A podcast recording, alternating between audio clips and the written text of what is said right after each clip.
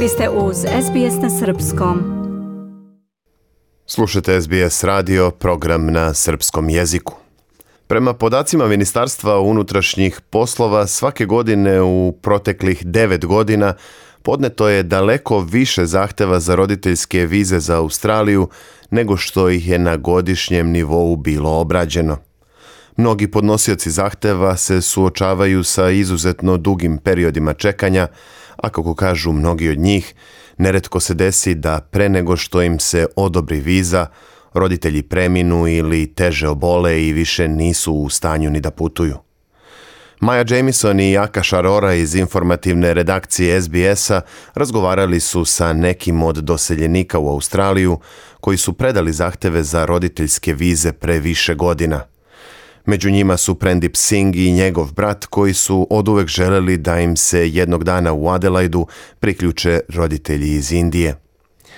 U oktobru 2016. kada su im roditelji bili u ranim 60. godinama, Premdip je podneo zahtev za roditeljske vize sa učešćem koje bi trebalo da im omoguće da se presele kod svojih sinova u Australiju ili da kao stalni stanovnici nesmetano dolaze i odlaze iz zemlje. Back in 2013-14 we started planning about uh, bringing parents uh...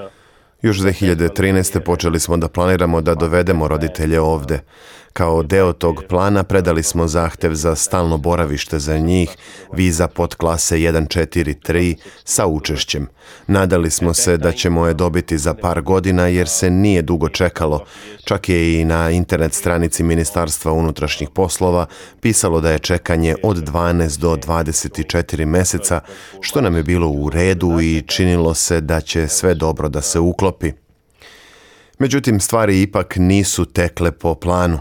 Od predavanja zahteva za roditeljsku vizu prošlo je nešto više od pet i po godina, a braća još uvek čekaju na obradu dokumentacije za svoje roditelje. Slična priča odigrala se i u životu iranske imigrantkinje Roje Salamati, koja živi u Melbourneu ona i njen brat su 2017. podneli zahtev za roditeljske vize sa učešćem za majku i za oca koji su živeli u Teheranu. Njihovi zahtevi još nisu obrađeni, a jedan je u međuvremenu povučen jer je Rojn otac obole od covida i preminuo. When my father passed away, kada je otac preminuo, svaki dan sam morala da zove mamu jer nisam mogla da otputujem u Teheran zbog teškoća izazvanim pandemijom. Ni ona nije mogla da dođe jer se roditelji nisu smatrali užom porodicom. Sve to je bio veliki pritisak i imalo je ogroman uticaj na mene i na mog brata, kaže Roja. Ovakvi slučajevi nisu usamljeni u Australiji.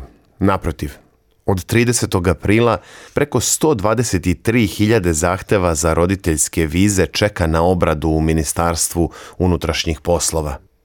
Marijana Đordana iz Melburna nedavno je pokrenula kampanju pod nazivom Clear Parent Visa Backlog ili Rešite ostale zahteve za roditeljske vize.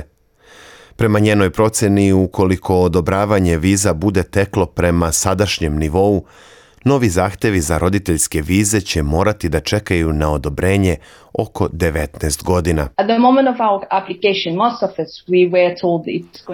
U trenutku kada smo predali prijave, većini nas je rečeno da će biti potrebno dve do tri godine, ali sada govorimo o mnogo dužem vremenu, razočarana je Marijana.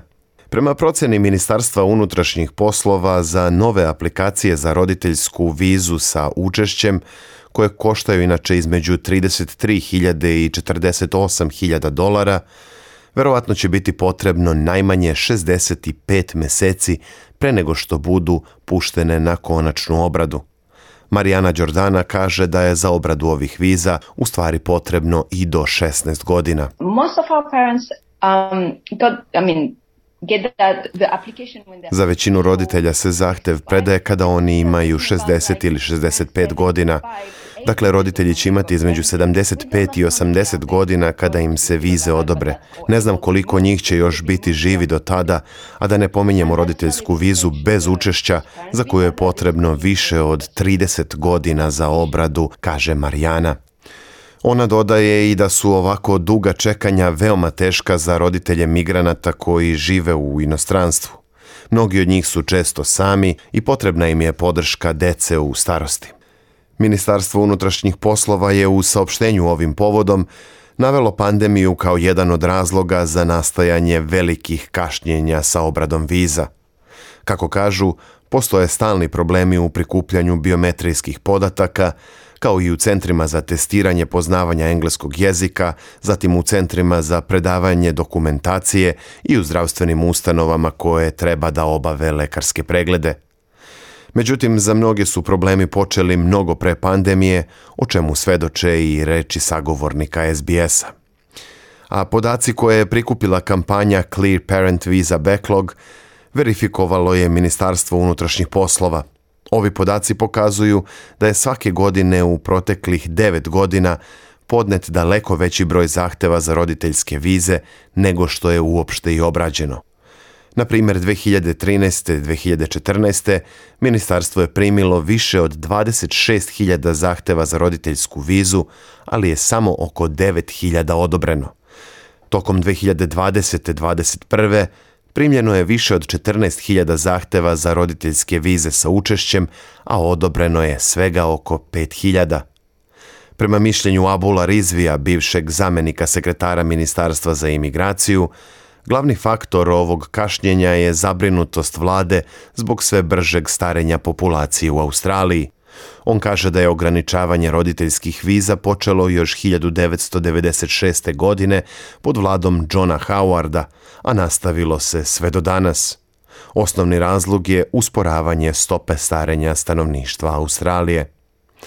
U poređenju s drugim sličnim zemljama kao što su Sjedinjene države, Kanada i Novi Zeland, Australija vodi najstrožu politiku po pitanju migracije roditelja – Međutim, kako kaže Rizvi, ovo je vrlo varljivo pitanje. Oh, look, I'm, I'm, this is, this is difficult policy.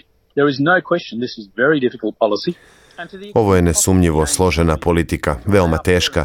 Koliko god je to moguće, cilj bi trebalo da bude da se roditeljima omogući da posećuju svoju decu u meri u kojoj je to moguće bez uticaja na troškove zdravstvene zaštite i starosnih penzija. Ali postizanje tog cilja nije lako. Za sada ni jedna zemlja, po mom mišljenju, nije našla adekvatan način da to uradi i to je izazov s kojim se suočavamo i ovde u Australiji, kaže Abul Rizvi. Vi slušate SBS radio. Ja sam Branko Cvetojević. Ostanite uz naš program. Dajte like, podelite, komentarišite. Pratite SBS Serbian Facebook profil.